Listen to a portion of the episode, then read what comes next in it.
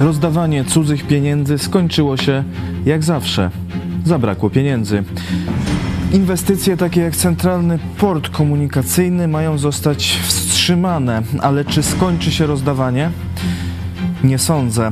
O tym porozmawiamy dziś z pastorem Pawłem Chojeckim, szefem telewizji Idź Pod Prąd, a dziś porozmawiamy też o uchwalonej już ustawie edukacyjnej. Jak ona wpłynie na nauczanie domowe? O to spytam rodzica edukującego swoje dzieci w domu, a także dyrektora szkoły opiekującej się dziećmi e, edukującymi się domowo.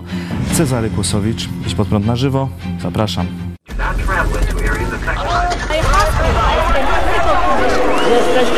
traveling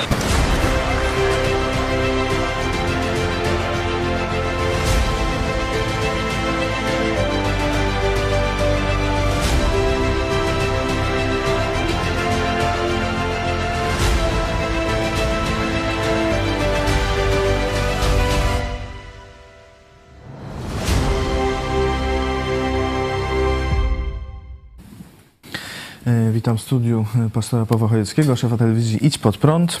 Witam Ciebie i Państwa bardzo serdecznie. E, Media e, donoszą, że nie będzie, portal wprost konkretnie, że nie będzie centralnego portu komunikacyjnego prawdopodobnie i że zdecydował o tym i sam Jarosław Kaczyński. Tak mówią źródła portalu wprost w otoczeniu Jarosława Kaczyńskiego, a to wszystko przez to, że szukane są oszczędności. E, Prezes PiS miał zdecydować nawet o wstrzymaniu wszystkich strategicznych przedsięwzięć. E, Jak ty to oceniasz? No tutaj e, mamy takie bardzo zapowiedzi wielkie. Elektrownie atomowe. No ten przekop tam prawie powiedzmy, że zrobiony. No, Elektrownia no, gazowa tak, w Ostrołęce. Elektrownia w Ostrołęce. Yy, No, ten centralny port komunikacyjny, te wszystkie, cała sieć tu dojazdowa, yy, wszystko szumnie yy, zapowiadane. No i teraz co, nie będzie tego? No, e, tak się niestety kończą e, socjalistyczne plany. E, I myśmy o tym mówili, że to się tak skończy, czyli wielkim bankructwem. Nie? Każdy socjalizm kończy się naj, najpierw brakiem papieru toaletowego, a potem już zaczyna brakować wszystkiego. E, Jedynie tylko pieniądze wozi się taczkami, bo są dodrukowywane i tracą e, lawinowo na wartości. Na razie jeszcze inflacja w Polsce nie jest lawinowa, chociaż zaniżana jest w tych przeróżnych statystykach, które się tam gdzieś pokazuje na poziomie 17%, ale już specjaliści liczą, że rzeczywista inflacja, taka, która dotyczy kieszeni każdego Polaka w normalnym życiu, e, to już sięga 30, a nawet 40%. Nie? Także e, tu za chwilę może być 80%, 100% i tak dalej. Nie? E, PiS wierzyło, że zasili ich budżet Unia Europejska e, tymi środkami e, pomocowymi. Unia Europejska się, że tak powiem, wypięła. Nie chce PiSu, chce Platformy e, u władzy. No i zatrzymała te fundusze. No i PiS wylądowało teraz z ręką w nocniku. Nie? E, Oczywiście zapłacą za to wszyscy Polacy. Trzeba jeszcze powiedzieć, że Polacy Oczywiście w większości, bo nie wszyscy chcieli tego, co się dzieje, ale no, większość tych aktywnych uczestników życia politycznego e, mniej lub bardziej czynnie tak zdecydowała. Polacy zlekceważyli zarówno zdrowy rozsądek, który Jasno, wystarczy poddać socjalizm analizie zdrowego rozsądku e, i w zależności od bogactwa, jeśli startujemy z tak dużego bogactwa jak protestanckie kraje skandynawskie, nie, no to ten socjalizm może trwać i może dwa pokolenia nawet, to rozdawnictwo, bo wcześniejsze Szczególnie jak na przykład Norwegia no, żyje w dużej mierze ze sprzedawania po prostu surowców. surowców, nie, ale mówię o Szwecji i tak dalej, bo tu niektórzy komuniści, katokomuna, socjaliści przeróżni mówią, a jak w Szwecji. No w Szwecji się właśnie kończą albo skończyły pieniądze, tylko że był to tak bogaty e, kraj ze względu na pracę protestantów e, we wcześniejszych pokoleniach, że te dwa pokolenia ostatnie socjalistów, no długo im zajęło, żeby zmarnować dorobek poprzednich pokoleń. Polska startuje z dużo niższego pułapu, stąd te pieniądze się dużo szybciej skończą, ale każdy socjalizm kończy się bankructwem ponieważ socjalizm polega na odbieraniu ludziom pieniędzy w bardzo wysokich podatkach, a potem rozdawaniu ich wedle życzenia władzy. Czyli najpierw na zaspokojenie e, tych swoich potrzeb, czyli kradną, kradzież i korupcja, a potem przekupywanie wyborców, czyli dawanie socjalu różnym grupom społecznym, żeby albo ich napędzać na siebie, znaczy, żeby się gryźli wewnętrznie i nie atakowali rządu, e, albo żeby wprost kupować głosy wyborcze. Nie? Czyli ostrzeżenie ze zdrowego rozsądku, z, z historii Polacy zlekceważyli. No ale jest też dostępne dla każdego Polaka ostrzeżenie z Biblii. I tam jasno jest napisane, jasno stoi, że kto ściąga wiele podatków, niższy kraj, no, czyli jak będzie to długo tolerowane, jak będziemy głosować na partie socjalistyczne, jak będziemy się cieszyć z rozdawnictwa, to w końcu nasz kraj zostanie zniszczony. To jest ostrzeżenie ze Słowa Bożego. Czyli Polacy zlekceważyli zdrowy rozsądek, doświadczenie i swoje, i wcześniejszych pokoleń, zlekceważyli Słowo Boga. No i teraz będzie, że tak powiem, kara, będzie konsekwencja tego, nie? Teraz nieszczęście spadnie nie na rząd, nie? Bo rząd się tam zawsze wyżywi, nie? Ukradną, mają już konta gdzieś tam w Szwajcarii, czy, czy w Rosji, czy w Chinach, czy gdzieś, nie wiem, w jakimś Dubaju, czy gdzie indziej i oni tam uciekną, nie? Jak będzie, że tak powiem, Titanic już tonął, tak na sztywno, będzie, rozpocznie się lawinowa inflacja, protesty masowe, bo tu już wychodzą dzisiaj policjanci, służby mundurowe, już protestują sędziowie, pracownicy sądów i tak dalej. Potem ruszy cała Polska. Oni spieprzą, a my zostaniemy z ogromnymi długami, z państwem w rozsypce. To jest skutek głupoty naszego narodu. Za tę głupotę przyjdzie nam wszystkim niestety zapłacić. Trzeba się liczyć z no, rozpadem tego państwa w konwulsjach, w jakichś bardzo e, takich no, ciężkich przypadkach, takich no, w sensie ciężkich do przeżycia. E, tu już rozmawiam z, z, z, ludźmi, z naszymi widzami, to mówią, że nawet jak się pójdzie do jakiejś biedronki, stokrotki, do tego typu tanich, tańszych sklepów, to już widać niepokój ludzi. Już patrzą na ceny nie mogą uwierzyć. Biorą coraz gorsze produkty, coraz mniej, już masła to tam prawie nikt nie kupuje e, i tak dalej, i tak dalej, nie? I patrzą ze strachem w przyszłość. Do tego doprowadziła kato komuna, do tego doprowadził PiS, do tego doprowadził socjalizm.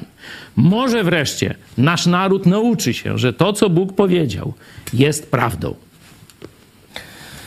E, pytamy Was, do czego, doprowadzią, do czego doprowadzą działania PiSu w sądzie na czacie i na Twitterze. Jakich skutków działania PiSu się spodziewasz? Czy pogłębienia rozdawnictwa, ograniczenia socjalizmu? Czy będzie bez zmian? Czy też czeka nas bankructwo państwa? No właśnie, czy w takim razie PiS, Jarosław Kaczyński się opamiętają i może tych oszczędności y, no, poszukają w tym, żeby tak zostawić ludziom ich pieniądze i po prostu nie rozdawać nie swoich y, pieniędzy. Można by y, zapytać. No, z artykułu we wprost wynika, że Szef rządzącej partii miał podobno zdecydować, że wszystkie resorty mają teraz pilnie szukać oszczędności, oprócz Ministerstwa Obrony Narodowej i Ministerstwa Rodziny i Polityki Społecznej. E, z czego moglibyśmy To jest Ministerstwo Rozdawnictwa. No, tak że e, naprawdę, rozdawnictwo nie? będzie utrzymane, a wstrzymane właśnie tylko inwestycje. Tak, jeszcze do tej pory karmiono nas takimi bredniami, że no PiS owszem no rozdaje, robi ten socjal, ale po to, żeby modernizować kraj, żeby robić te wielkie inwestycje. No to widzicie Państwo, czym to się skończyło. Na, na te wielkie inwestycje praktycznie no to nakradli się, nachapali się e, ile wlazło, a tych inwestycji nie zrealizowali, bo nawet przekop jest niezrealizowany w tym sensie, że nie prowadzi do portu, tylko se można żaglówką popływać między e, zatoką a tam e, przez Mierzeję e, Wiślaną się prze, no, przepłynąć sobie tym kanałem i tyle, nie? Bo tam 900 metrów już zabrakło pieniędzy, czy decyzji i tak dalej i do portu w Elblągu. To jest drugi etap, no ale jeśli teraz będą wstrzymane... To etapu nie ma, no. Czyli inwestycja, no wiecie, pieniądze tego już ksiądz, że tak powiem, poświęcił za bilon, przepraszam, za tam parę tysięcy biskup, y, czy za 20-30 tysięcy pewnie, może więcej, bo to przed kamerami, no to tam więcej musieli mu zapłacić, nie? Jak tam zwykły ksiądz, o którym e, Kaczyński tam mówił, żeby podpisał jakieś pismo przy aferze tej srebrna, skromna, nie? To tam ile? On chciał 100 y, tysięcy, no to było już jakiś czas temu, nie? Ale tak, Kaczyński teraz... stwierdził, że on się zadowoli łapówką na poziomie 50 tysięcy i będzie, nie? No to nie wiem, ile wziął e, biskup, bo to już biskup, to zwykły ksiądz, a tu biskup i to w telewizji go pokazali, także wszystko, że tak powiem, rozkradzione, pieniądze zmarnowane, a, e, że tak powiem, skutku ekonomicznego dla Polski jak nie było, tak nie ma. E, elektrownia w Ostrołęce, można tak samo pokazać, miała być z wielką pompą otwierana wielka elektrownia węglowa. No przydałoby się, nie? Dobra, dobry kierunek. No to stwierdzili, że źle, że będą rozwalać, nie? No to kolejny tam, nie wiem, miliard czy, czy setki milionów, żeby teraz rozwalać. Oczywiście firmy Królika tu budowały, teraz firmy Królika będą, no praktycznie mogliby nie budować, tylko wziąć pieniądze za zbudowanie, teraz wziąć pieniądze za rozwalenie, a nikt by nikt nie zauważył, a tam budżet rodzinny jakby się podreperował u Królika i jego znajomych. Morawiecki mówił, że będzie, trzeba trzeba e, kopać i zasypywać. No, no to, to, to właśnie, i no niszczą, to, to, to prawie to samo. To na to wychodzi. Teraz miała być elektrownia z kolei gazowa. Choć no przecież gaz to ruski, no to, to, to tak trochę nie bardzo, nie? Przynajmniej większość, nie? E, ale no miała być gazowa, a teraz już coś tam już nie, nie stykło i Amerykanie schodzą z placu budowy i do widzenia, no i nie ma niczego. No tak, to jest gazeta, mniej więcej e, działalność serwis, PiSu. Serwis Wyborcza podaje, że Amerykanie chcą podwyżki kontraktu z powodu wzrostu kosztów materiałów budowlanych, wzrostu kosztów e, pracy.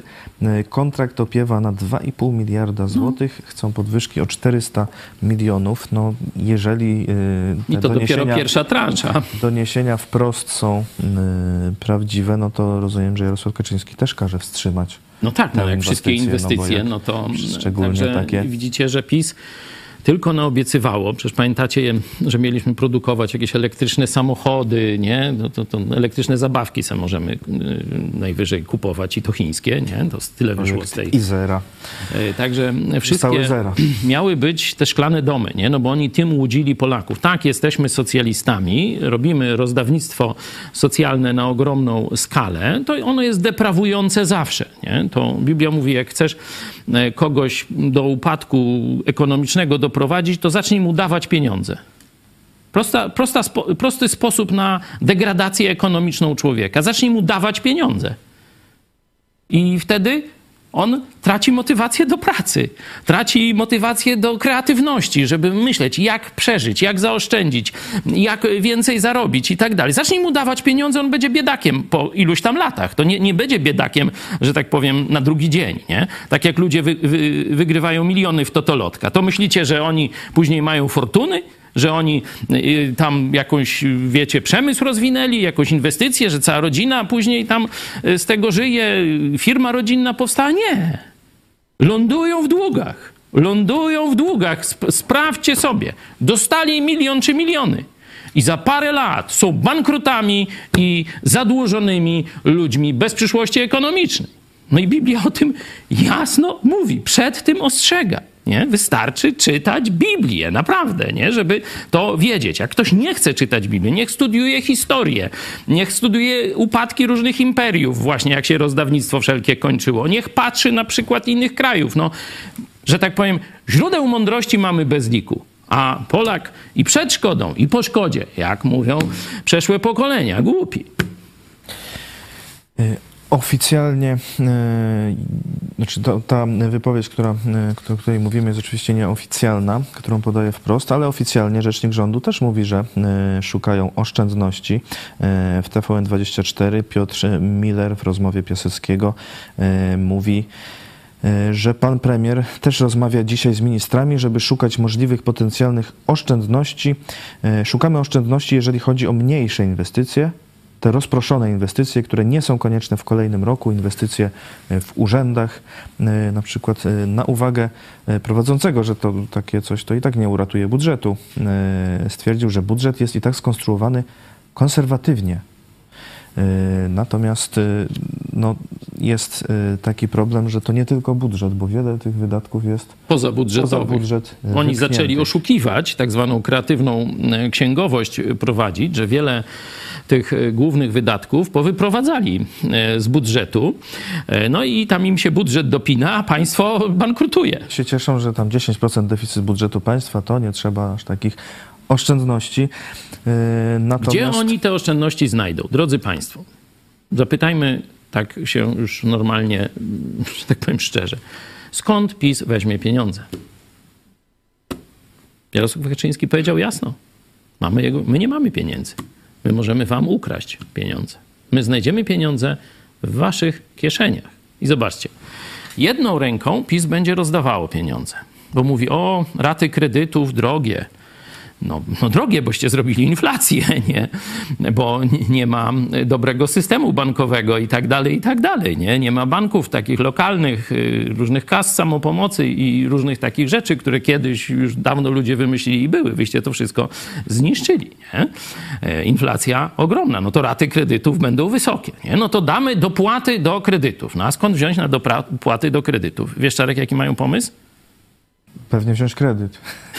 blisko opodatkować właścicieli mieszkań.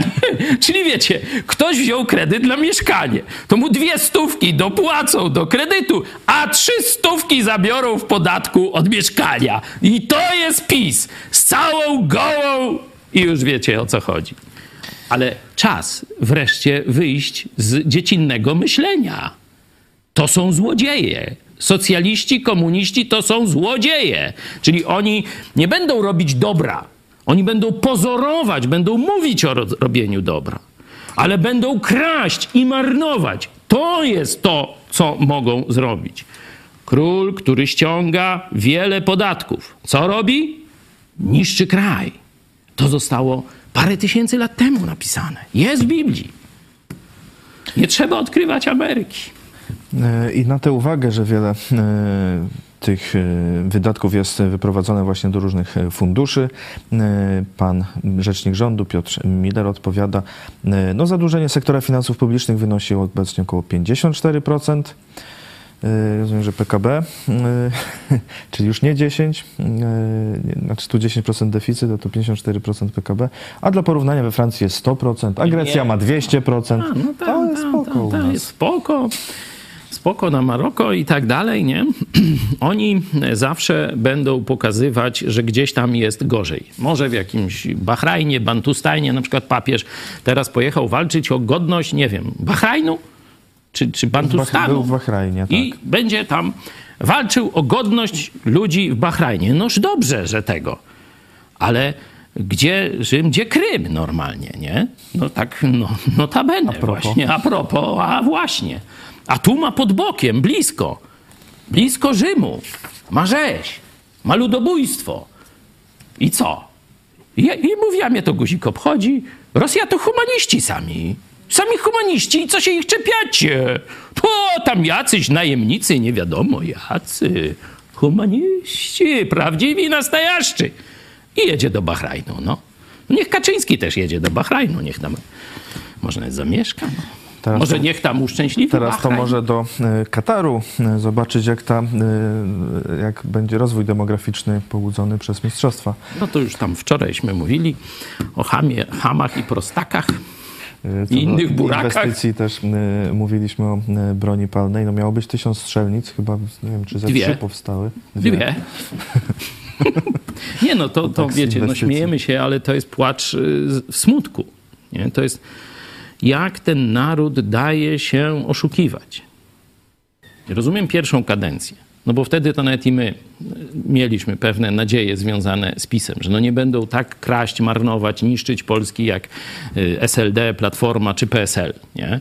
Że może mówiliśmy, oni nie dadzą rozwoju Polsce, ale może przynajmniej zatrzymają upadek. Taka, taką wiarę rzeczywiście miałem w 2014, 15 czy którymś tam roku jeszcze przed dojściem PiSu do władzy. Nie?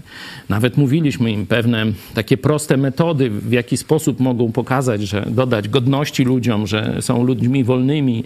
Mówiłem właśnie o e, liberalizacji dostępu do broni. Mówię, to was nic nie kosztuje, to jeszcze polski przemysł, e, fabryka e, w Radomiu jeszcze się rozwinie. Teraz, teraz chcą się zbroić, a tu, no, A tu nie ma- Jaki byłby przemysł, gdyby był ten Ja cywilny mówi- rynek? Ja mówiłem o tym na przełomie 2015 i 2016 roku, czyli w cholerę czasu wstecz, nie? kiedy można było naprawdę e, zrobić wspaniały e, przemysł zbrojeniowy, jeśli chodzi o broń lekką. To, co mają Czesi, nie? bo ceska zbrojowka no, kwitnie, a fabryka w, Radomiu no, tam, że tak powiem, wegetuje. Nie? E, czyli to pierwszy taki pomysł. Drugi, no to tam trochę zrealizowali, żeby na przykład no, na swojej działce no, chłop czy, czy, czy baba, człowiek, żeby mógł robić co chce. Jeden by se sadził drzewa, drugi by se wycinał drzewa. No na mojej działce to się dzieje, nie? Trzeci, to też nic ich nie kosztuje, nie? No, przecież nie, nie musieliby dopłacać jeszcze tam by ludzie... A nie, bo teraz za pozwolenie trzeba płacić. No ale to jest rabunek, to jest rabunek, nie? E, Dalej mówiłem o mm, pozwoleniu na budownictwo mm, mieszkaniowe, czy tam nie- niewielkie inwestycje na swojej ziemi, nie? Masz działkę budowlaną, rolniczą, rolno-budowlaną, siedliskową, czy jakieś, no to se tam buduj, nie? No już tam określmy jakąś tam powierzchnię, kubaturę, no dobra, żeby tam pałacu y, tego jak stalinowskiego... to żeby się nie przewrócił no, na sąsiednią właśnie, nie? działkę. No to, to jakieś tam bardzo takie luźne ograniczenia, tyle. To zresztą są ileś tam metrów od sąsiada, ileś od pasa drogo, od drogi, nie? O takie tam rzeczy wprowadzić. Dalej niech se ludzie tam budują. To wiesz, co oni chcą wprowadzić? Niestety, ale wiem.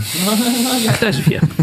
Codzienne raportowanie postępu na budowie. Czy wiecie, dziennik budowy, no to tam taka książka, tam coś tam. Online. A teraz ma być online każdego dnia, wiecie.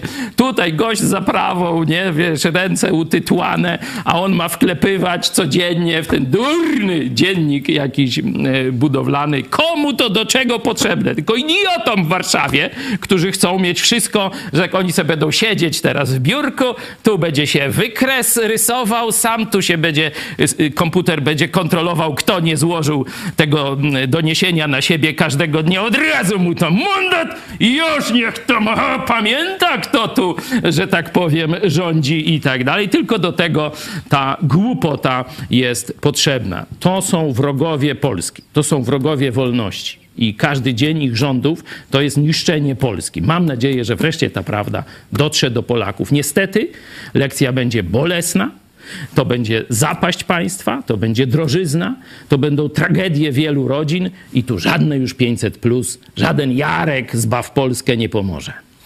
Wczorajsza e, Rzeczpospolita pisze, że od e, czerwca przyszłego roku na dużych inwestycjach, a od 2026 roku także przy domach jednorodzinnych A. ma obowiązywać dziennik budowy online. E, Tak, czyli Eksperci... zobaczcie, z jednej to, to, to, co mówię, jedną ręką dają, drugą dwa razy zabierają, nie? Bo miało być do 70, najpierw do 35, później do 70 metrów, już tam uproszczenie. No to teraz se będziesz budował do 70 metrów i codziennie będziesz musiał dziennik budowy jakiś debilny wystukiwać, chociaż nie będziesz miał o tym zielonego pojęcia. E, A znając działanie tych systemów e, komputerowych Dwie godziny z życiorysu dziennie wyjęte. to myślę, że często nawet nie przejdzie, potem będzie, że nie złożyłeś, że A, coś... tak. to- No to przecież to samo jest teraz w tych y, online uproszczeniach dla księgowych. To klną, szkoda powtarzać, nie? Przecież kiedyś opowiadaliśmy wam historię taką, która się zdarzyła tutaj e, w sąsiedztwie, można powiedzieć, naszej redakcji. Małżeństwo z naszego kościoła prowadziło, e, prowadziło zieleniak. To w miesięczniku Idź Pod Prąd ta historia jest dramatycznie tak no, pokazana. Nie? Ciężko pracowali całe życie, już nie będę e, mówił, dzieci wychowali na porządnych ludzi. To wszystko zrobili, prowadzili zieleniak ciężko na mrozie, e, w listopadzie, w grudniu, e, wiecie, do ziemniaki trzeba było tego. Wprowadzili im kasę fiskalną. Na zieleniak, kasę fiskalną, nie? I wiecie, i kody, i wbijanie, ktoś kupi kilo marchewki i trzeba to wbijać, a tu masz ręce zgrabiałe z zimna, bo to listopad zdaje się był albo grudzień, Zgrabiałe zimne i brudne, nie? Oblepione gliną, no, z ziemniaków i tak dalej. Przychodzi pani i proszę kilo marchewki. No to tam złoty 50 wtedy mniej więcej koszt i tak dalej. No daje, daje, bierze te tam wydaje. Do widzenia, dziękuję, proszę przyjść. Nie dała mi pani paragonu. 500 zł mandatu. Cały dzień pracowała. Mniej więcej 300 zł tak wychodzili na czysto wtedy. To prawie dwa dni. Przez tę... A, dobrze, tam sobie dopiszcie. Myślę, że każdy e, sobie e, dopowie e, przez kogo.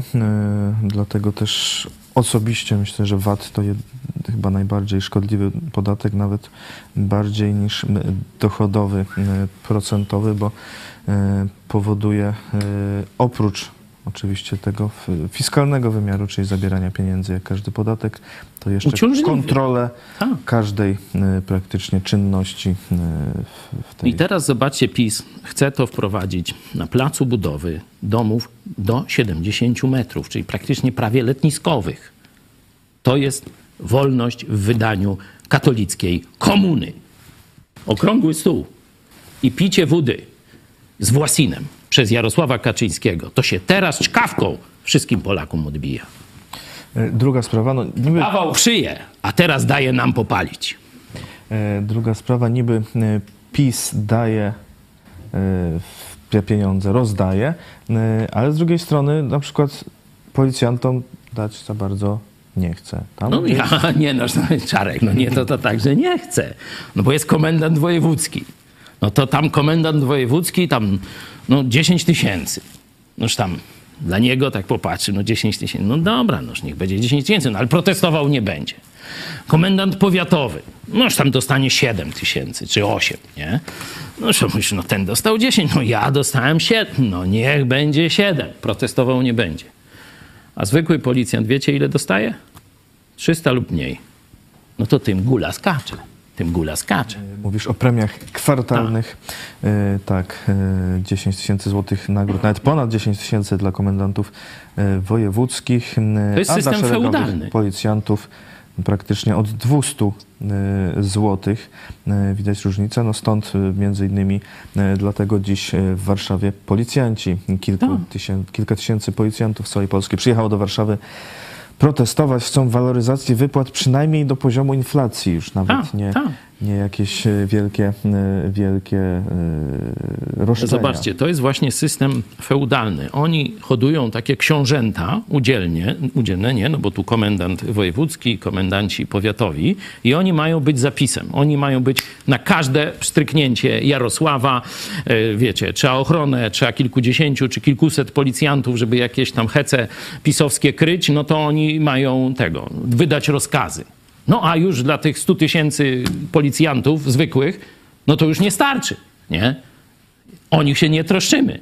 Mamy książęta, mamy szlachtę pisowską i oni mają za pysk resztę kołchozu trzymać. No taki, taki feudalny jest mniej więcej scenariusz a la PiS.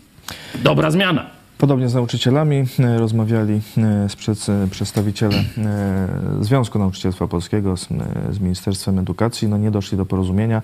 Chcą też wzrostu wynagrodzeń przynajmniej 20%. e, A minister Przemysław Czarnek chce im dać niecałe 8%. No, czyli, że tak powiem, po oficjalnym kursie inflacji, nie? Oficjalny jest zaniżony o połowę, a ci chcą orżnąć na połowę pieniędzy już, nie? I e, inflacja nie spada. Bo przecież chodzi o to, te, oni teraz dadzą, nie? A kiedy dostaną następną podwyżkę? No, ho, a ile wtedy będzie inflacja? Także te 7% to już w ogóle nic nie będzie w tym czasie. No zresztą nawet sędziowie się postawili. Zobaczcie, no to już naprawdę ludzie, no tam, którzy mają jakąś tam wiedzę o społeczeństwie, mają decydować o naszym być albo nie być, nie? Czy do więzienia, czy nie, czy tam winny, czy niewinny. No i sędziowie mówią, że też ich PiS okrada, bo też im dali 7%, a inflacja 17%. No to jak? No to jak? To nawet sędziom nie stykło. No i to całej Polsce nie styka. A trzeba było nie głosować. Johnny Walker na czacie pisze, ja w swoim budżecie najpierw oszczędzam, potem wydaję. To chyba odwrotnie niż nasze rządy. No dokładnie. Dlatego mówię, wiedza o ekonomii jest dostępna najprostszemu człowiekowi w Polsce. Bo każdy jakoś musi swoim budżetem zarządzać. Nie?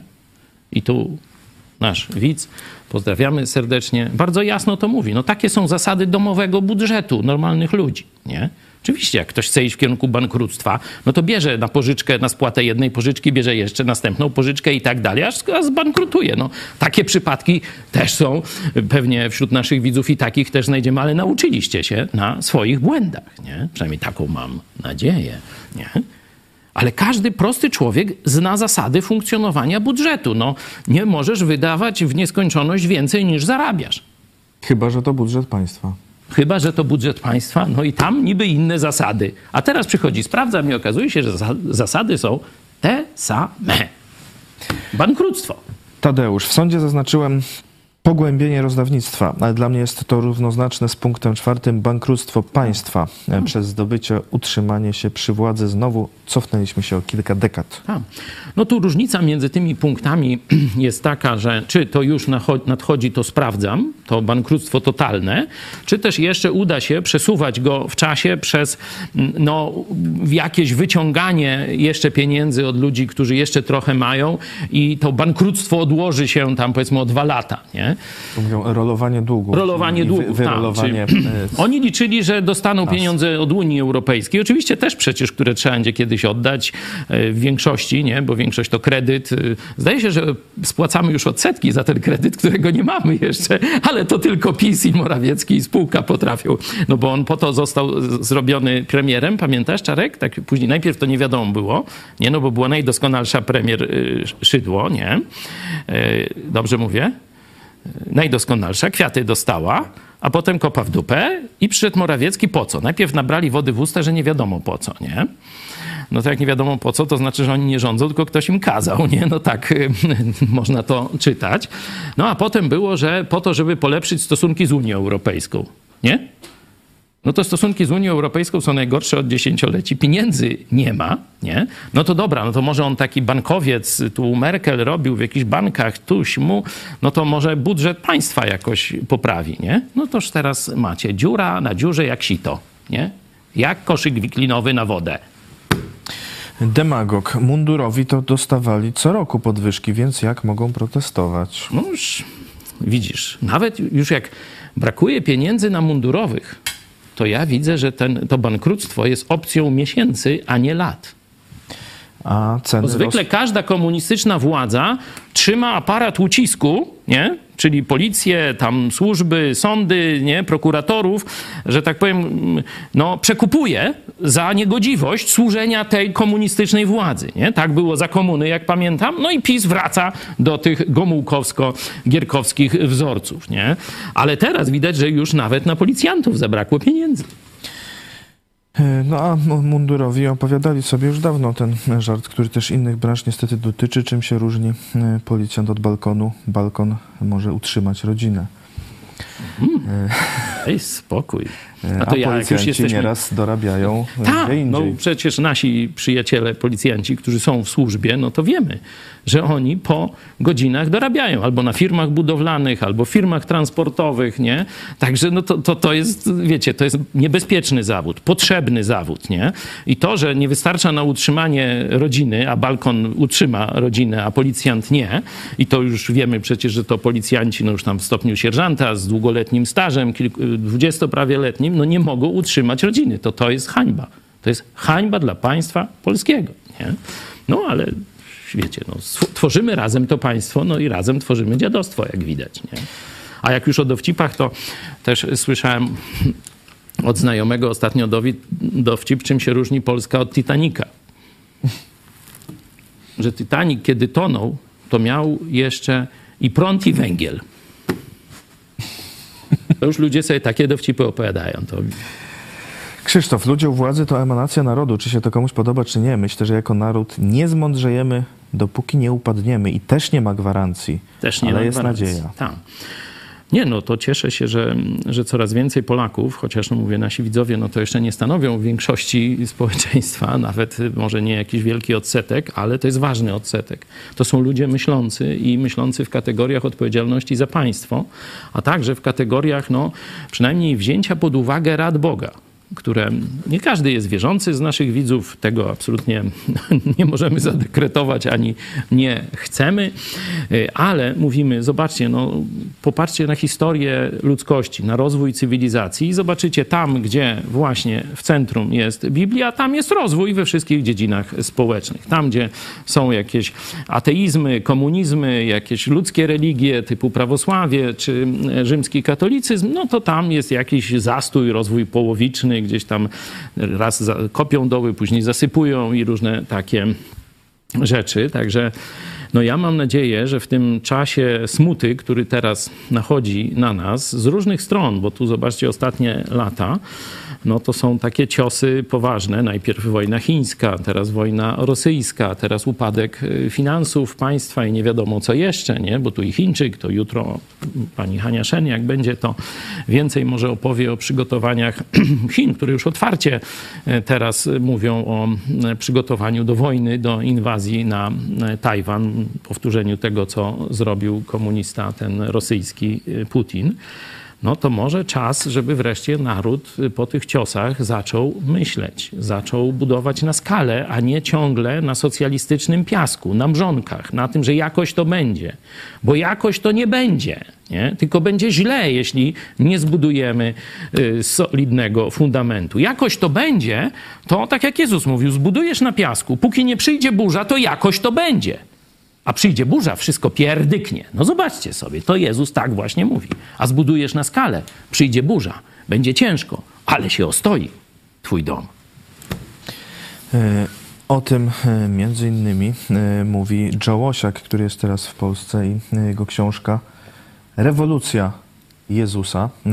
Joe Łosiak będzie dziś w Krakowie, Jutro w Palowicach spotkanie w Krakowie o 18 w Kościele Zielonoświątkowym Nowa Huta, a w Palowicach w Kościele Wolnych Chrześcijan E, jutro o 16.30 zapraszamy na spotkania. Uczestnicy dostaną, e, uczestnicy tych spotkań w prezencie dostaną tę właśnie książkę e, Rewolucja Jezusa, a pozostałych zachęcam do odwiedzenia sklepu Idź Pod Prąd i tam można tę książkę zamówić w atrakcyjnej cenie, myślę. A także druga nowość, Piotr Szetkowicz, Słomiany ogień z dziejów polskiej reformacji to właśnie E, kiedy e, no, nie do końca na skalę wybudowano. E, rozpalił się ogień i zgasł. Mieliśmy szansę. Mieliśmy szansę, mieliśmy wspaniały start. Nie? Pierwsze państwo protestanckie w świecie to powstało pod berłem polskiego króla Jagielona. Pamiętacie hołd pruski? Właśnie wtedy startuje pierwsze państwo protestanckie w dziejach świata, to dopiero 8 lat później Anglia buduje protestanckie państwo, król zrywa z Rzymem, a myśmy to już ćwiczyli na ziemiach polskich dużo wcześniej. Potem no, złoty wiek, tak się właśnie nazywa ten wiek w historii, kiedy reformacja masowo dociera do Polski, ale niestety były, był to zachwyt u większości, bo część no to byli naprawdę e, tacy prawdziwi uczniowie Jezusa Chrystusa, e, ale spora część polskiej szlachty no, przyjęła to tylko koniunkturalnie i kiedy e, w swej głupocie przyjęli jezuitów i rozpoczęła się kontreformacja, no to mając do wyboru, czy płacić cenę wierności Jezusowi, zaczęli wracać do katolicyzmu, żeby mieć urzędy, nie? No bo wtedy się zaczęła dyskryminacja, która trwa, dyskryminacja protestantów, która trwa do dziś, a o tym to możemy e, dość często wam e, powiedzieć, że tak powiem, coraz to nowe, aktualne rzeczy mamy też i dzisiaj, ale tak, jeszcze poczekamy, zanim więcej na ten temat powiemy. Niech sprawa dojrzeje. E, zachęcamy oczywiście do wsparcia e, telewizji pod prąd. E, jak co miesiąc celem jest tysiąc indywidualnych wpłat za pośrednictwem przelewu PayPala, DotPay, Blika lub Patronite'a. Szczegóły na stronie spodprąd.pl ukośnik wsparcie. Do tego serdecznie zachęcamy. E, Jeszcze Wasze e, komentarze. Grzegorz ma pomysł, e, sposób chyba na rozwiązania trochę problemów. Zwolnić 80% urzędników. No tak, to jest, to jest bardzo słuszny postulat. Każda ekipa robi dokładnie odwrotnie. Czyli zatrudnia króliczki do nowej tej menażerii, czyli oni się mnożą jak króliki, o tak. No bo to są pieniądze. Nie sieją, nie orzą, ale się a mnożą. Się mnożą. A się mnożą, nie? Króliki, króliki Kaczyńskiego. Teraz się właśnie mnożą, no i wiemy też po co, nie? Po co im tak szczodrze z naszych pieniędzy kradną pieniądze, a potem dają tym króliczkom w tych spółkach Skarbu Państwa. Już dzisiaj wiemy doskonale. Taki proceder, to trzeba jasno powiedzieć, był znany we wszystkich partiach rządzących, to nie tylko PiS. No, ale PiS doprowadza wszystko, że tak powiem, e, jak Midas, do pełnego blasku brązowego tworzywa, nie? E, I tak dalej. I teraz to wychodzi na światło dzienne. E, Coraz tu nowe ikony, tu i pani poseł, znaczy premier Szydło, teraz jakiś tam minister, europoseł, nie? Tam wyciągają e, kolejne, kolejne, podkreślam, legalne sumy. A to nie jest wszystko. I to wielu takich kacyków, kiedy pisowskich, kiedy się z nimi rozmawia, mówię, no ty dostajesz tam po 30 tysięcy miesięcznie, to tacy mniejsi kacykowie, nie? To tam inni, no to już idzie 100 tysięcy i, i więcej, 200 tysięcy e, miesięcznie, miesięcznie, nie przesłyszeliście się państwo. No to oni mówią, a ty wiesz ile ja muszę oddać? Ho, ho. No tam 10 czy ileś procent na ten fundusz wyborczy, a ile ja jeszcze pod stołem do, do y, funduszu tego nielegalnego partyjnego muszę oddać. O, no to o, prawie jak balkon, nie wystarczy już mi na utrzymanie rodziny? O, Wszystkich krewnych i znajomych. W- Jeszcze e, jeden smutny komentarz. Ctrl C. Niczego Polacy nie nauczą się. Wstyd mi za ten naród. No nie, no, nie, nie popadajmy też w, w jakąś taką, jakby to powiedzieć, melancholię i defetyzm, nie? Bo rzeczywiście, no, przypomnijcie sobie XIX wiek, kiedy powstanie za powstaniem, nie? Końcówka XVIII i później XIX wiek, coraz jakieś zrywy z Maryją na szkłaplerzach, nie? Mówię o tych, tych pierwszych barskiej nie? konfederacji, pierwszym można powiedzieć powstaniu, nie? Potem za Napoleona, no, znowu rozbuchane nadzieje i, i, i znowu nie wyszło, nie? Potem już te kolejne powstania, które znamy i coraz więcej krwi, coraz więcej upadku ekonomicznego, coraz więcej zsyłek, nie? Coraz większa bieda i tak dalej, i tak dalej, no to, to śmieliśmy ponad 100 lat, tak, nie? My już tam PiS, no to tam 6 lat czy ileś rządzi, no to nie przesadzajmy, nie? No ta cała katokomuna, no to tam trochę więcej, no powiedzmy, że licząc od 44 to to już trochę się nazbierało, nie? No i jeszcze Niemca też można by doliczyć, nie? Czyli od 39 roku, no mamy pasmo Wcześniej to, nieszczęść okienko, to okienko było e, też wąskie. też wąskie, ale mówię, no jeszcze 100 lat nie minęło, no nawet od 39, jakby liczyć, chociaż mówię, były takie trochę odwilże, oddechy, bo i pierwsze lata Gierka to było taki trochę e, otworzenie gospodarcze, wielu Polaków wtedy już się zaczęło dorabiać, wieś zaczęła się wtedy dorabiać za e, Gierka. Pojawiły się murowane domy na wsi, masowa produkcja zwierzęca i roślinna i tak dalej, nie? No potem lata 90., no to drobny biznes, drobny handel, handel ze wschodem, to wszystko jednak, czyli wiecie, oni tak, y, że tak powiem, patrzą, żeby ta kura, która znosi złote jaja, żeby całkiem łba jej nie urwać, nie? Czy tam tych jaj nie pozabierać wszystkich, nie? Czyli dają takie no, czasy odwilży, że wtedy tak się tam naród troszeczkę podnosi z tego y, upadku ekonomicznego, a potem znowu dożynanie, dociskanie i tak dalej. Ja myślę, że y, katokomuna nie ma nawet na tyle rozsądku. Mówię, ta katokomuna pisowska, czyli emanacja wszelkiego zła, które po 89 roku tu u nas rządzi, nie? To są rzeczywiście fanatycy i oni nie, y, do, oni nie mają rozsądku nawet, nie? Gierek miał jakiś tam rozsądek, liberałowie tak zwani mieli jakąś, y, jakiś tam rozsądek, ale katokomuna nie ma rozsądku, nie? I ona, ona będzie zarzynać gospodarkę, aż to pierdyknie, nie? Tak, taka jest moja perspektywa na to, co robi Kaczor i spółka, nie? I podobną, Ale- perspek- Mhm, podobną perspektywę mają e, nasi widzowie w sądzie e, na YouTubie. Jakich skutków działań PiS się spodziewasz?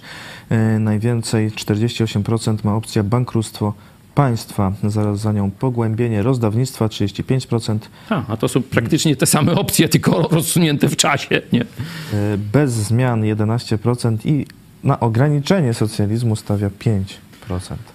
No, czyli bardzo, bardzo niewiele, ale pociągnę ten wniosek tych tragedii narodowych, narodowych ponad 100 lat, można by nawet powiedzieć, że, że 200 lat, nie? bo cały XVIII wiek to, to są owszem takie podrygi, takie zrywy, tu konstytucja 3 maja czy coś, ale tam wojska jakie chcą, to chodzą po polskie, saskie, ruskie, szwedzkie, to, to, to, to wiecie, to już nie ma państwa, nie? to jeszcze tak się nazywa państwem polskim, ale to już jest bezchołowie, jak to się tak mówiło. E, Potem ta krew tych powstań. No i przychodzą pozytywiści. Oni mówią, da się jeszcze coś zrobić. Kiedy wszyscy tracili już, stracili już nadzieję. Przecież Polacy się nawet zaczęli, powstanie styczniowe, to się żrą e, między sobą. To donoszą na siebie nawzajem. To są konflikty białych, czerwonych i tak dalej. Tu wielowiejski, tu tamci, śmanci. To, że to już jest, y, wiecie, to już nie ma nawet zgody narodowej. Nie? To nie jest powstanie kościuszkowskie jeszcze, gdzie tu idziemy, y, tam i szlachta, i kosy na sztorc, chłopi, i Żydzi, nie? Też przecież wystawiają jednostki wojskowe. Wtedy jeszcze naród był, można powiedzieć, razem przeciwko rosyjskiej tyranii, nie? Powstanie styczniowe to już jest kompletna dekadencja, nie? To, to już tam nie ma czego zbierać, można tak e, powiedzieć. Zresztą też sukcesy militarne stosunkowo niewielkie, nie? Bardziej jakaś tam wojna partyzancka i, i tego typu rzeczy, a jednak e, pojawiają się ludzie, którzy mówią tak, e, tą metodą to już żadnego powstania nie wygramy, to trzeba się pożegnać, to, to się nie uda nigdy, nie? Tymi metodami, które do tej poryśmy próbowali. To tylko będzie więcej krwi, więcej e, zmarnowanej substancji narodowej, mówiąc, e, i, i coraz większa władza cara nad Polakami, nie? A ludzie będą coraz bardziej nienawidzieć polskości, bo ta polskość im przeszkadza żyć. Łatwiej być Rosjaninem czy Niemcem, nie? niż być Polakiem w państwie polskim. Nie? Czyli takie dylematy. Przecież to i na Śląsku, nie? w Wielkopolsce, e, no, mieli w rodzinach nawet, nie? To, to pokazują te e, filmy e, z czasów właśnie odzyskiwania niepodległości, nie? że jeden wybiera niemie, bycie Niemcem, drugi wybiera chociaż tego samego ojca i matkę mają, Polaków, nie? Ale no, już tak nie opłaca się być Polakiem w państwie polskim, nie? że tośmy ćwiczyli. A jednakśmy się podnieśli właśnie tej, dzięki tej garstce pozytywistów, którzy nie stracili nadziei i pokazali metodę. I my dzisiaj jesteśmy tymi po- pozytywistami i pokazujemy metodę. Tak osiągnęliśmy świetność w naszej historii w XVI wieku, w Złotym wieku. Zwrot do Biblii. Tak powstała Ameryka. Zwrot do Biblii. Kiedy dzisiaj odchodzą od Biblii, mają problemy, nie? Może czas, żebyśmy prawdziwie i my, jako naród, wrócili do Biblii, spojrzeli na żywego Jezusa Chrystusa. Może to jest ten czas dla naszego narodu. I tak jak się udało pozytywistom, no nie na długo, bo 20 lat, tak jak mówisz, to okienko e, wywalczone przez pozytywistów, można powiedzieć, czy przygotowane precyzyjniej mówiąc, bo później no to milion Polaków do broni stanęła. To już nie byli tylko pozytywiści, tu znowu był naród zjednoczony, choć naparzanki również były e, wielkie, że może e, to, że Bóg jeszcze daje nam szansę, że jeszcze jednak mimo wszystko naród istnieje, że jeszcze coś robimy, że jeszcze możemy głosić Ewangelię, możemy taką telewizję prowadzić. Może Bóg po to daje tę szansę, żebyśmy wreszcie do tego narodu twardego karku, który nie chce słuchać Boga, który chce zabobonów, który chce świąt, który chce ceremonii, który chce e, religijnego przepychu, a nie chce prawdziwego Boga, żeby wreszcie ten naród zrozumiał, jak daleko od niego odszedł. Ja wierzę, że to jest ten czas dla nas. To jest czas na opamiętanie się całego narodu. Ale żeby naród mógł się opamiętać, to muszą być ci, którzy będą głosić, będą mówić. No to list do Rzymian. W niedzielęśmy e, też na kazaniu o tym mówiłem. Jak się rodzi wiara? Wiara człowieka, czyli odpowiedź na to, co Bóg zrobi, zrobił dla nas w Chrystusie Jezusie, rodzi się ze słuchania Słowa Bożego. Ale żeby ktoś mógł usłyszeć to Słowo, to muszą być ci, którzy będą głosić. No i to jest nasza misja, nasze zadanie. To robimy każdego dnia. I rzesza tych ludzi, którzy rozumieją, w jak trudnej sytuacji znalazł się naród polski, jak nikt oprócz biblijnych chrześcijan Oprócz telewizji Idź Pod Prąd nikt nie formułuje programu naprawy Polski. Są tylko pomysły na rozdawnictwo albo pomysły, komu się sprzedać. A nie ma pomysłu, jak zbudować silny naród, sprawiedliwie rządzony i żyjący w dostatku ekonomicznym. To tylko my wskazujemy. Bóg chce to dać narodowi polskiemu. No ale na siłę nie wepchnie. Pozytywiści, e, czy pozytywnie e, mimo wszystko e, myślimy, a jeśli chcielibyście swoje nastroje troszkę też podciągnąć, to zapraszamy 11 listopada do nas, do studia telewizji Idź Pod Prąd na koncert Jurka Dajuka z żoną Małgorzatą Dajuk oraz przyjaciółmi z Misjo Muzyka. 11 listopada, piątek o godzinie 18 tu w siedzibie naszej telewizji. E, tylko ważna sprawa, by najpierw zgłosić się mailowo e, z podaniem imienia i nazwiska. Przesyłajcie zgłoszenia na adres kontakt małpaispodprat.pl e, i udział w koncercie będzie możliwy po potwierdzeniu z wejściówkami.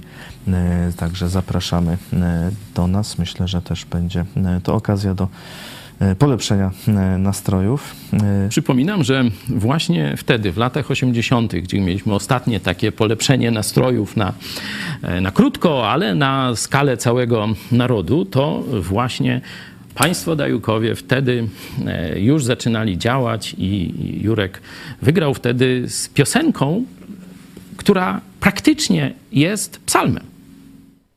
Na ogólno, że tak powiem, otwartym festiwalu studenckim, kiedy te nastroje, chcemy lepszego życia, chcemy zachodu, nie? solidarność i tak dalej, to wtedy pięknie zaśpiewał Psalm 23 i wygrał konkurs jeszcze w czasach komunistycznych. Nie?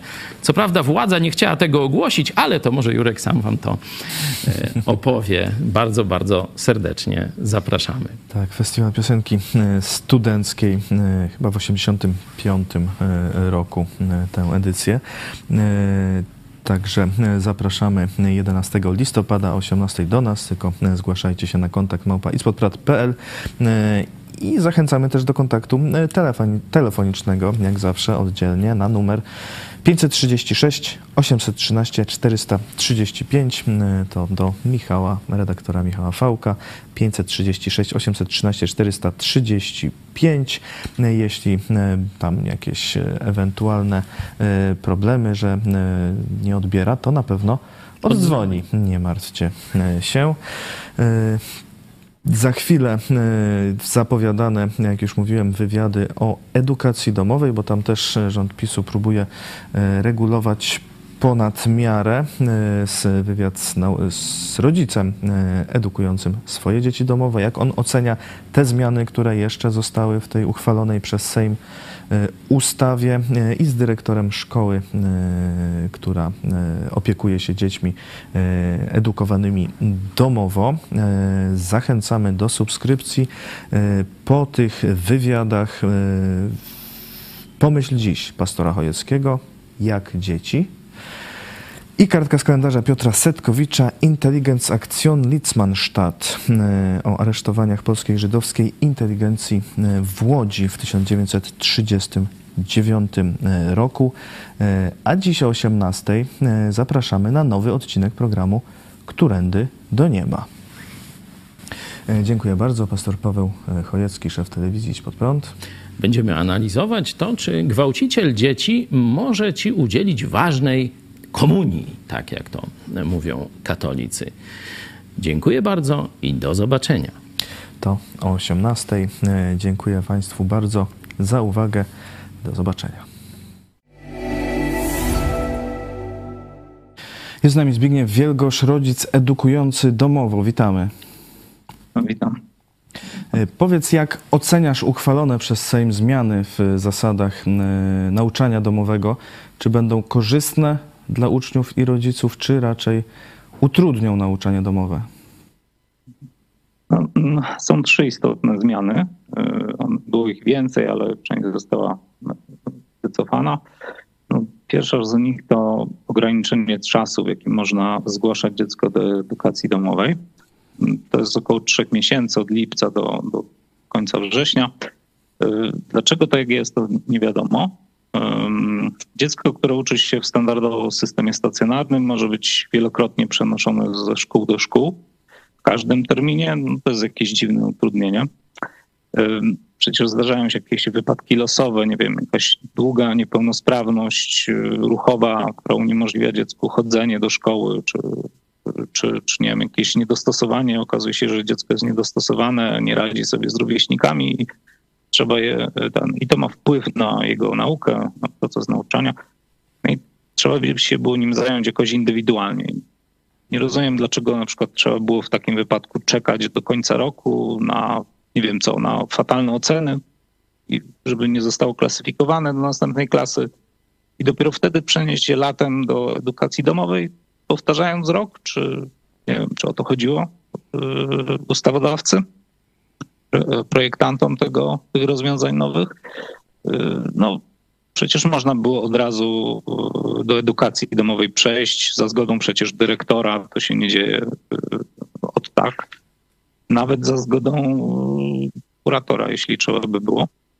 Przecież można by było rozwiązać to y, nie utrudniając, nie, nie stawiając takich ograniczeń. Jednocześnie nie, z tego co wiem, nie ograniczono przenosin dla dzieci uczonych stacjonarnie, więc zupełnie niezrozumiałe.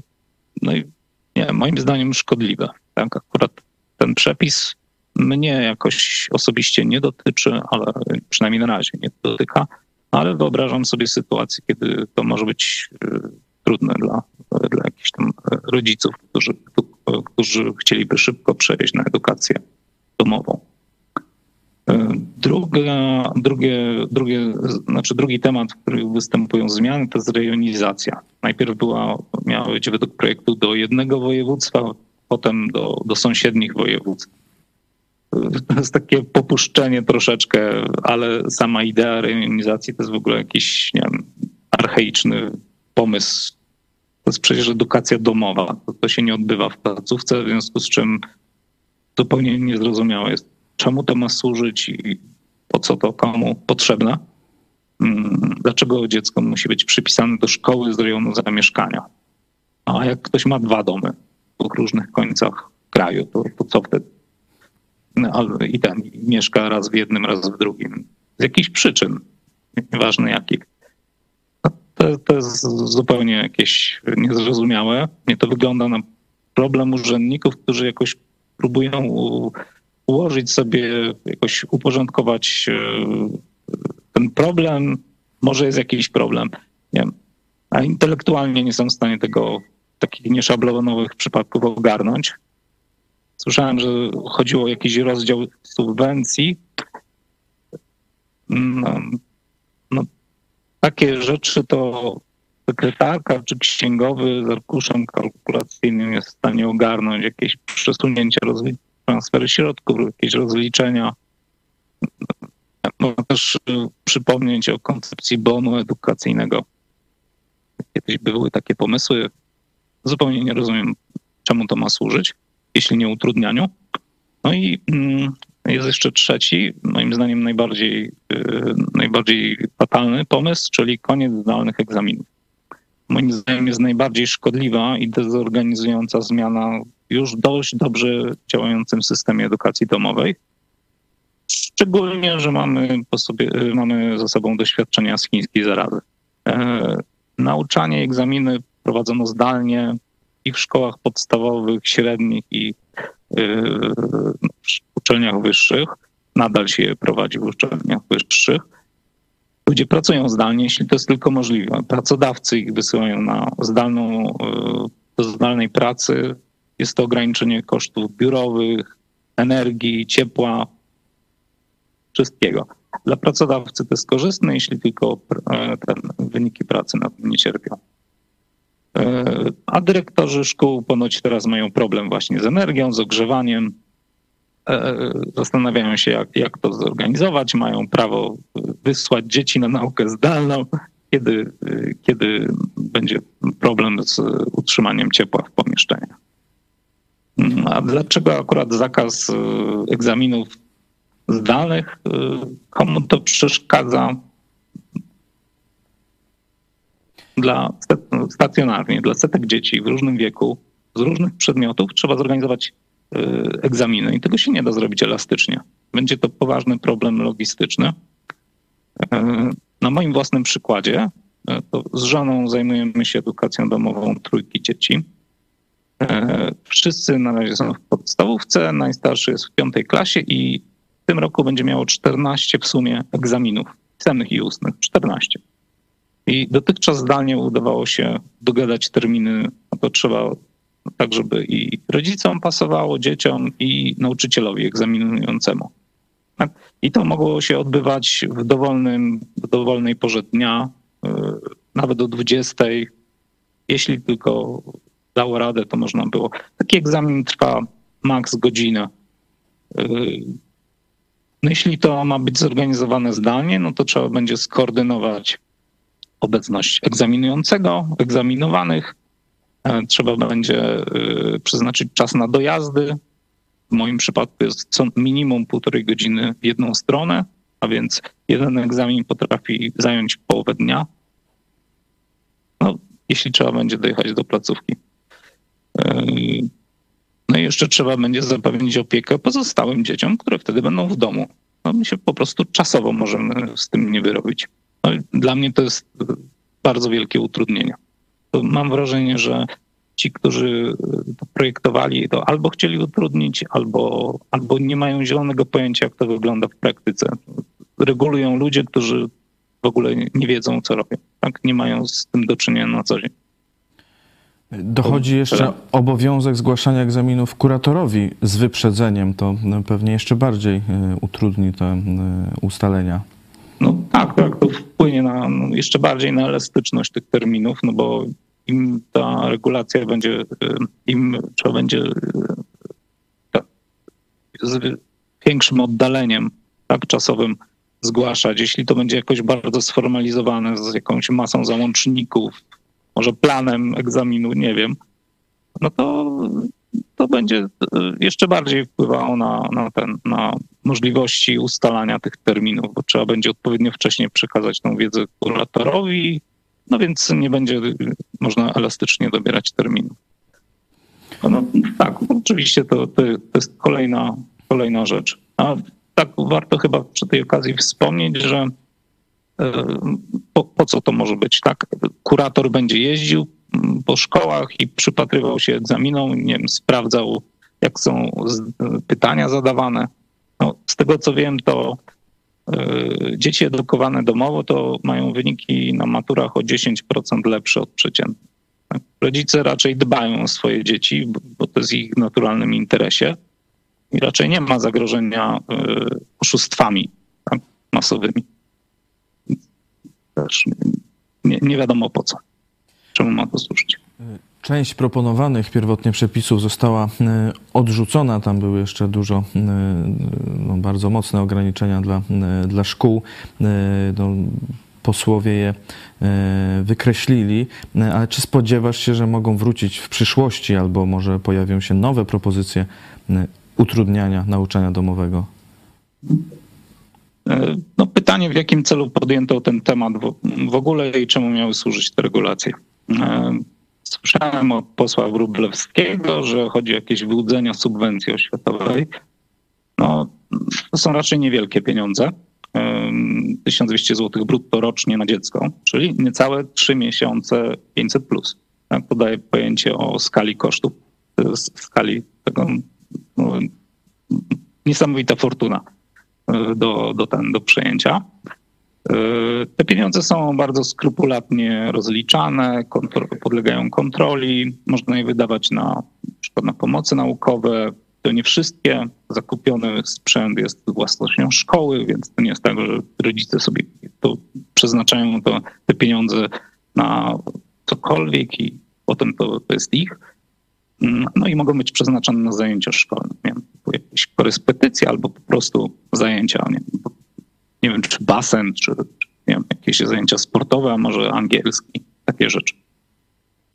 No jeśli występuje jakiś problem wyłudzenia, no to przede wszystkim mm, pieniądze idą za, subwencja na dziecko, pieniądze idą za dzieckiem yy, i, i przekręt, jeśli by nastąpi, no to bardzo szybko zostanie yy, wykryty, ponieważ nie otrzyma tego nikt, tych pieniędzy drugi raz nikt.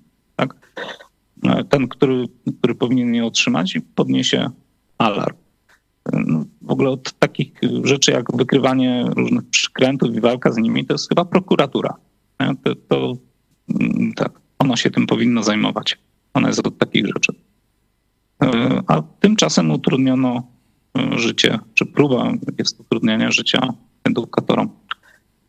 E, Co? Jeśli zaś chodzi o, e, w tym wypadku rzeczywiście chodzi o to, żeby utrudnić czy jakoś ograniczyć edukację domową, no to oczywiście, że powróci, e, powrócimy do tych pomysłów w takiej czy innej formie.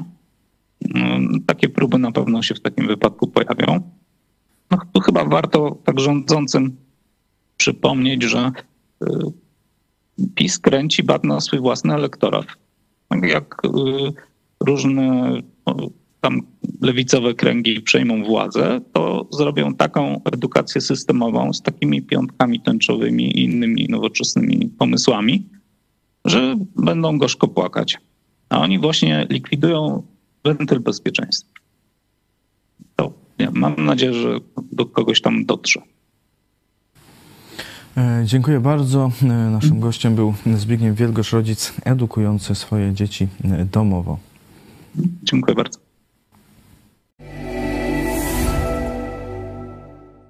Naszym gościem jest Andrzej Witek, prezes Stowarzyszenia Edukacyjnego Integracja i dyrektor Akademickiego Liceum Ogólnokształcącego Emanuel w Krakowie. Dzień dobry. Dzień dobry panu, dzień dobry państwu. E, Proszę nam powiedzieć, jak pan ocenia zmiany w zasadach prowadzenia edukacji domowej, e, jakie ostatnio uchwalił Sejm? Czy one będą korzystne dla uczniów? Na wstępnie przypomnijmy sobie, czym jest edukacja domowa tak naprawdę. Inaczej nazywana homeschoolingiem czy nauczaniem domowym, istnieje w Polsce od 31 lat. Pierwotnie była to odpowiedź na potrzeby uczniów i rodzin w zakresie realizacji obowiązku szkolnego i nauki dla tych, którzy nie mogli lub nie chcieli uczęszcza, uczęszczać z różnych powodów do stacjonarnej szkoły. Nie byli oni zainteresowani tym, co daje szkoła stacjonarna, nastawieni byli na swój własny rozwój, styl nauczania, przy czym mogli realizować y, z większym zaangażowaniem swoje pasje. Przypomnijmy również, że zgodnie z prawem oświatowym to rodzice biorą pełną odpowiedzialność za przygotowanie swoich pociech do rocznego egzaminu klasyfikacyjnego z danego przedmiotu, z części podstawy programowej obowiązującej na danym etapie edukacyjnym. Ważne jest to, abyśmy wiedzieli też, że są trzy etapy edukacyjne, dlatego że edukacja domowa w każdym etapie różni się.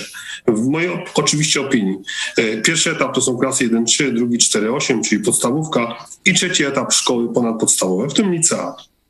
Dlaczego jest to ważne i dlaczego o tym wspominam? No dlatego, że postrzeganie nauczania domowego jest tak diametralnie różne, że powoli w tym zaczynamy się gubić. Według mnie powstało wiele patologii i kombinatorstwa w tym zakresie. W mojej opinii również wielu rodziców nie do końca rozumie, czym jest edukacja domowa. Bez świadomości odpowiedzialności za naukę swojego dziecka niektórzy szukają rozwiązań w edukacji domowej, gdzie nie zawsze te rozwiązania są trafione w punkt. Co chcę jeszcze powiedzieć? Wiele rodzin, przechodząc na ED, chce prześliznąć się przez szkołę bez konkretnego zaangażowania i wysiłku, a najgorsze jest to, że są szkoły, które umożliwiają taką nieodpowiedzialną formę edukacji domowej, a wielu rodziców z tego korzysta. Można tu zadać pytanie, czy wszystkie egzaminy pisemne są przeprowadzone z należytą rzetelnością? Czy egzaminy ustne to egzaminy ustne, czy raczej jakaś profanacja lub karykatura? Przecież ostatecznie dzieci i młodzież spotykają się z wystandaryzowaną formą egzaminów, choćby egzaminu ósmoklasisty, matura, egzamin na prawo jazdy, czy rozmowa kwalifikacyjna na wymarzone stanowisko pracy. I takie pytanie, wtedy wujek Google nie będzie dostępny, no niestety. No cóż, życie zweryfikuje każdego. No właśnie, skąd wzięły się zmiany prawa oświatowego co do ED? W 2019 roku, pan redaktor pamięta, uchwalono zmiany pozytywne. Zniesiono rejonizację, zlikwidowano obowiązek przekładania opinii z poradni psychologiczno-pedagogicznej. Walczyli o to również posłowie z PiS. My również o to walczyliśmy. Wiele organizacji pozarządowych, szkół, e, rodziców. Minęły niecałe trzy lata i co się dzieje? Kolejna zmiana. Tym razem niekorzystna. Kompletnie odwrotna do tamtej. No co się zmieniło? Co tak naprawdę jest powodem tych zmian? W mojej opinii to przede wszystkim kontrole szkół, które zajmują się edukacją domową i wyniki tych kontroli, które są zatrważające. I tak w maju 2022 roku w zachodniopomorskim po kontroli działań szkoły zajmującej się ED wpłynął wniosek do organu prowadzącego o wykreślenie jej z ewidencji szkół niepublicznych. Sama szkoła prosiła o głosy przeciwko tej decyzji. Jeśli szkoła to szafa w budynku jakiejś innej szkoły, to nie ma co się dziwić, że jakość prowadzenia rodzin i wsparcia z, w, w edukacji domowej jest równa zeru. Dalej. Jedna ze szkół, w tym momencie cytuję media, ma około 10 tysięcy uczniów. Jak podaje jedna z gazet, 35, 35-metrową salę obsługi. Pytanie jest takie. Gdzie dzieci mogą korzystać ze wsparcia nauczycieli online? Gdzie dzieci mogą korzystać z zajęć dodatkowych, o których mówi prawo oświatowe jako obowiązek szkoły? Gdzie dzieci mogą wypożyczać materiały pomocnicze, korzystać z czytelni? Gdzie dzieci realizują zajęcia warsztatowe, laboratoria, warsztaty? Wnioski nasuwają się same. O powyższych sytuacjach słyszeliśmy podczas pierwszego procedowania zmian. I odpowiadając panu redaktorowi na pytanie, zmiany nie są korzystne, gdyż uderzają w szkoły i rodziców rzetelnie i odpowiedzialnie podchodzących do kształcenia swoich dzieci w ED. W mojej opinii likwidacja egzaminów online powinno dać się szansę na takie egzaminy jednak. Oczywiście nie jak leci, ale w uzasadnionych przypadkach. Hybryda jest tutaj dużo lepsza niż zakaz w ogóle. Rejonizacja, no możemy porozmawiać, ale tu to nic nie da. W przeszłości rodzice i tak meldowali się na terenie tam, gdzie była ich wymarzona szkoła. Obchodzili prawo. Co prawda szkoły miały wtedy mało uczniów. Jeśli dotknie to tysiącem, to szczerze gratuluję. Ja nie widzę tutaj rozwiązania. Zapisy do 21 września. No kwestia wyobraźni i matematyki. Jeśli w danej gminie subwencja, dotacja dla szkoły rosła z miesiąca na miesiąc, nie dziwić się, że ktoś w końcu się zdenerwował. Na przykład administracja w Warszawie, są to oficjalne dane, nie wyrabiała ze zmianami, pismami, przelewami między gminami. Sama wiceprezydent zabrała głos w tym względzie w Sejmie.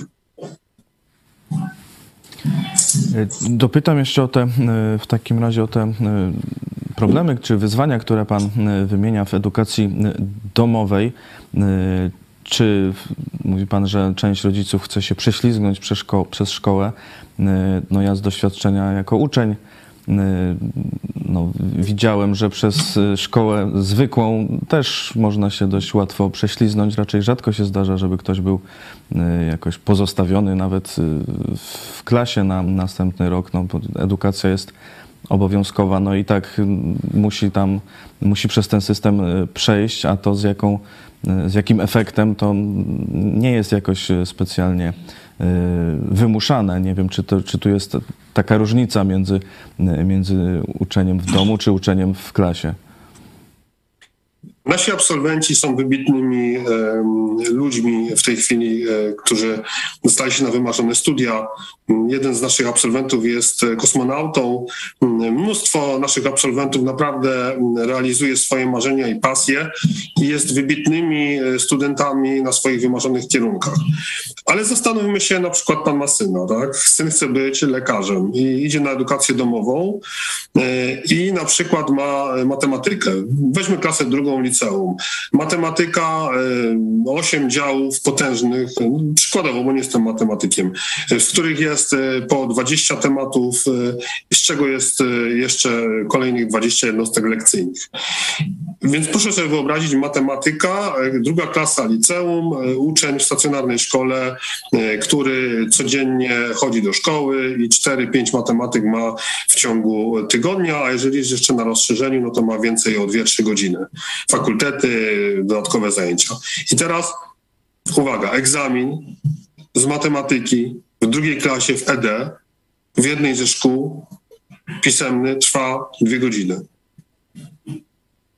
A egzamin ustny to przygotowanie prezentacji na wybrany temat. Czy to jest rzetelne, czy to jest uczciwe, czy to jest obiektywne, czy to jest sprawiedliwe. Nie wiem, chciałby pan, żeby taki absolwent liceum, a później no, na studiach pewno go wyprostują odpowiednio, zbudował panu most, przez który pan będzie przejeżdżał samochodem? Ja bym nie chciał. Myślę, że to zweryfikują no, po pierwsze studia, ale po, po drugie już y, ktoś, kto mu każe ten y, most budować, czy go zatrudni, y, czy nie. No tak czy siak. Y, Ale to jest nieuczciwe wobec rodziców, bo oni tkwią w, takim, y, w takiej bogiej świadomości, że wszystko będzie dobrze, że dziecko zaliczy egzaminy, no będziemy tutaj jak y, cały czas jak Katarynka, zaliczy egzamin online, otworzy sobie rano o siódmej i będzie przez trzy dni go pisał z wujkiem Google i z podręcznikami i tak dalej, a potem taki ktoś będzie mnie operował na stole operacyjnym. Mało tego, no przecież i tak on się spotka na tym egzaminie ósmoklasisty. Można bardzo mm, agresywnie mówić, no chłopie, dostaniesz e, długopis do ręki, dowód osobisty do drugiej ręki, na maturze staniesz przed drzwiami i wejdziesz. No tam nie będziesz miał komputera i nie pójdziesz sobie na kawę, żeby napisać, tylko musisz napisać ten egzamin maturalny. A od tego, jak go zdasz, jakie mm, procenty dostaniesz, będzie e, zależała twoja dalsza kariera edukacyjna. Czy ty pójdziesz do wyższej szkoły, e, nie wiem, zawodowej gdzieś tam w Ściwólce, czy dostaniesz się na wymarzony uniwersytet na przykład za granicą. Ja nie mówię, że to dotyczy wszystkich, bo ja znam wielu e, absolwentów, mówię, naszego liceum, którzy osiągają niesamowite sukcesy, ale oni rzetelnie, uczciwie, profesjonalnie podchodzą do tego. Mówimy tu o jakości, jakości szkoły, jakości edukacji domowej, świadomości, rozumienia odpowiedzialności za to, co się, w, co się tak naprawdę pakuje. Oczywiście. Y, No myślę, że kiedy y, rodzice y, decydują się na edukację domową, to po prostu tę odpowiedzialność z wszystkimi konsekwencjami biorą całkowicie na siebie, no, która w zasadzie jest im dana jako, jako rodzicom. No i tu efekty no, zawsze będą różne. To zapytam jeszcze, czy te rozwiązania, które wprowadza Sejm, w jakikolwiek sposób e, do tych problemów się w ogóle odnoszą i czy, czy jakieś e, rozwiązanie tu jest, czy, e, czy już to prawo, które było, by wystarczyło? Mówił pan, że jakaś szkoła na przykład no, została po prostu zamknięta, kiedy nie działała właściwie no, jeszcze pod dawną ustawą. Znaczy, ja uważam osobiście, że jeżeli są patologie lub nieuczciwości ze strony w ogóle podmiotów y, biznesowych czy przedsiębiorczych, to są od tego środki czy narzędzia y, kontrolne czy audytowe, które mogą wskazać i po prostu y, podjąć pewnego rodzaju zobowiązania czy konsekwencje wobec tych podmiotów. A tutaj na podstawie tego, co się dzieje, przecież generalnie to wszyscy wiedzą w edukacji domowej, jakie są szkoły, kto je prowadzi, gdzie je prowadzi i gdzie te patologie się dzieją. I tutaj jest kwestia kontrolerów, że kontrolerzy nie, nie, nie są w stanie w rzetelny sposób nałożyć pewnego rodzaju obowiązki, wykazać błędy, e, tylko robi się to e, od linijki, że teraz to pokażemy wszystkim, tak? Ale naprawdę ja znam wiele szkół w Polsce, z którymi współpracuję, którzy są niesamowicie nastawieni pro e, homeschoolersów, którzy uważają i dzieci, i rodziców za bohaterów, bo, bo nie jest to łatwe też. Bo Mówimy tak, a edukacja domowa to jest coś łatwego. To nie jest wcale łatwego. Łatwego jest, jeżeli szkoła robi totalną ściemę. I to wtedy jest łatwe, naprawdę. Można się prześliznąć, zrobić. Tylko jaki tego będzie efekt i końcowy e, koniec, no to każdy sobie też niech odpowie na to pytanie. Ale e, bardzo e, ważne jest to, kto się zapisuje, e, z jaką świadomością, e, jakie chce osiągać cele i jak szkoła dana e, do tego podejdzie i zrealizuje te cele rodzinne, cele dziecka, później młodzieży. Edukacja domowa w podstawówce nap- naprawdę różni się od edukacji w liceum. W podstawówce rodzice bardziej dbają o, to dziecko, edukację, pilnują i tak dalej. Młodzież już powinna bardziej być dojrzała, wchodzić w kanwa nauki, posiadania pewnych narzędzi, które pozwolą przyswajać wiedzę i tak dalej. Także te zmiany, które są, powinny być robione inaczej. E, Powinno się konsultować e, z em, organizacjami pozarządowymi, z dyrektorami szkół, z rodzicami przede wszystkim, e, co chcemy zrobić, w którą stronę chcemy pójść, e, dokąd, e, dokąd to wszystko prowadzi. I wtedy po tych uzgodnieniach takie zmiany procedować. Wiemy, że te zmiany zaproponowano e, ze strony posłów, no i zostaliśmy postawieni przed faktem dokonanym. Jeszcze dopytam o konkretnie zmiany. Y, Jak obowiązek zgłaszania egzaminów y, do kuratorów z, wyprzedzeniem y, wpłynie na przeprowadzanie tych egzaminów? E, Na pewno wpłynie bardzo. Na naszą szkołę nie wpłynie w ogóle, bo według mnie e, ta zmiana w żaden sposób nie utrudni nam e, realizowania tego, co do tej pory rzetelnie, profesjonalnie i w atmosferze szacunku e, robiliśmy. Po prostu będziemy wysyłać pisma, e, setki, a może i tysiące i będziemy przeprowadzać egzaminy jak dotąd. Serdecznie zapraszamy wizytatorów, nawet panią samą ku- kurator. Mamy, my mamy dużą szkołę, mamy sale lekcyjne, mamy miejsce, gdzie można się napić kawy, spotkać się na warsztatach, zagrać w gry, porozmawiać, zrobić klub dla ED, wypożyczyć książkę. Także my się nie boimy. My nie mamy 30-metrowej sali, gdzie będziemy musieli za każdym razem wynajmować nie wiadomo jakie pomieszczenia na egzamin, tylko my mamy piękną, dużą szkołę, w której dzieci i tak przychodzą, i tak są, więc dla nas to nie ma żadnej różnicy. E, A co do tego ograniczenia terminów przechodzenia na edukację domową do y, wakacji początku września, e, jak często zdarza, zdarza się, że rodzice przechodzą, decydują się na przejście na nauczanie domowe w czasie roku szkolnego y, i z jakich powodów? No i w Sejmie słyszeliśmy wiele argumentów, że będzie to zabrane, że dzieci w danym momencie nie będą mogły przejść. Zgadzam się z tym oczywiście, ale w mojej opinii do końca sierpnia decydują się na edukację domową rodziny świadome, które, które świadomie myślą o tym, kończą pewien etap, e, czyli na przykład kończą daną klasę, czy kończą etap i przechodzą 1 września do edukacji domowej. E, Panie redaktorze, po 1 września to są już różne przypadki nie wiem, poszli do szkoły, nie spodobało się im. Ktoś się na nich źle popatrzył, albo, albo powtórzyła się patologia lub e, agresja lub fobia, która była z roku wcześniejszego. No ale chciał spróbować, no i nie udało się, prawda? Więc idziemy na ED. No w trakcie roku szkolnego coś się wydarzyło. Nie wiem, no ludzie wyjeżdżają za granicę, może nagle ktoś zaczął grać w piłkę i nie ma na to czasu. Mm, Różne, różne przypadki, ale nie wiem, czy to jest akurat y, dobry wybór, edukacja domowa. Przecież są różne inne formy, tak? Jeżeli dziecko zachoruje, e, to nie idzie na edukację domową, tylko ma indywidualne nauczanie, jeżeli poradnia takie orzeczenie e, wyda. A dzieci, rodzice bardzo często teraz, no zachorował, no to idziemy na ED. Ale co to zmienia? Proszę mi powiedzieć, co to zmienia? Nic to nie zmienia.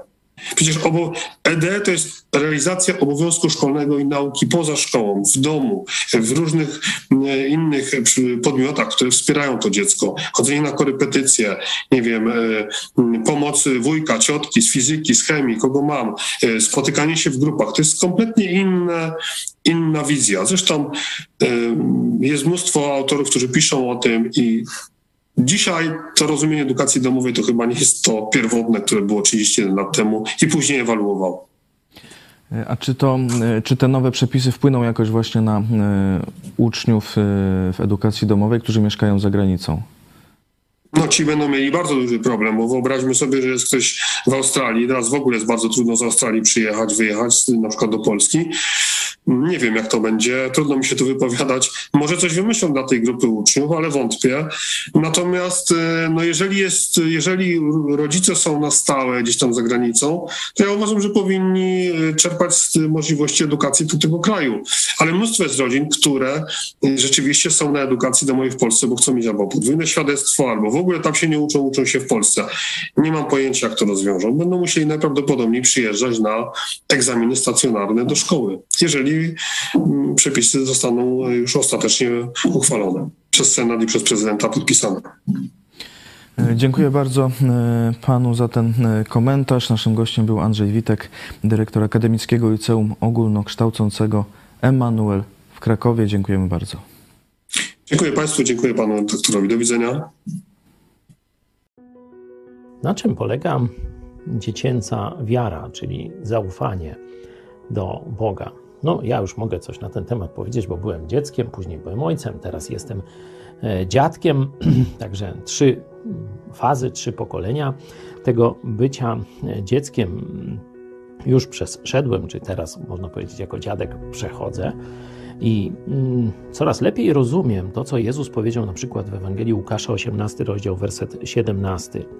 Zaprawdę powiadam wam, kto nie przyjmie Królestwa Bożego jak dziecię, nie wejdzie do niego. Zobaczcie, to jest takie dość ostre, nie? Że jeśli nie przyjmiemy, nie przyjdziemy do Jezusa jak dzieci, to nie wejdziemy do Jego królestwa, nie? Że to jest takie nie jakaś taka sugestia, tylko taki ostry warunek. No i dlatego warto się zastanowić, co to znaczy ta e, dziecięca wiara, to przyjście jak dziecko. I kiedy patrzę na to, to widzę dwa takie aspekty. Po pierwsze, dziecko całkowicie ufa ojcu. Nie? To jest dla niego cały świat, najwyższy autorytet. Ojciec powiedział, to tak jest, tak będzie, totalne zaufanie. Ale jest jeszcze coś więcej. Jest jakaś taka chęć mm, wpadnięcia w ramiona ojca, takie, taka, taka chęć przytulenia się, e, przylgnięcia do e, ojca. Kiedy Jezus mówi, że nie wejdziecie do Królestwa Bożego, jeśli nie przyjmiecie go jak dziecię, to ja widzę te dwa aspekty. Pierwszy, całkowite zaufanie w to, co Bóg powiedział w swoim słowie.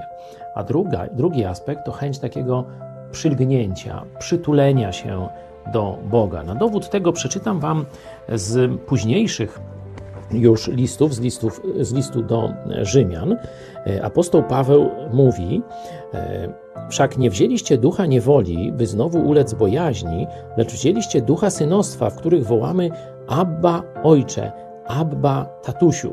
Mamy więc w liście do Rzymian w ósmym rozdziale po, potwierdzenie tego. Bóg chce, żebyśmy się mu rzucili na szyję jak ufające, kochające dzieci. Abba, tatusiu,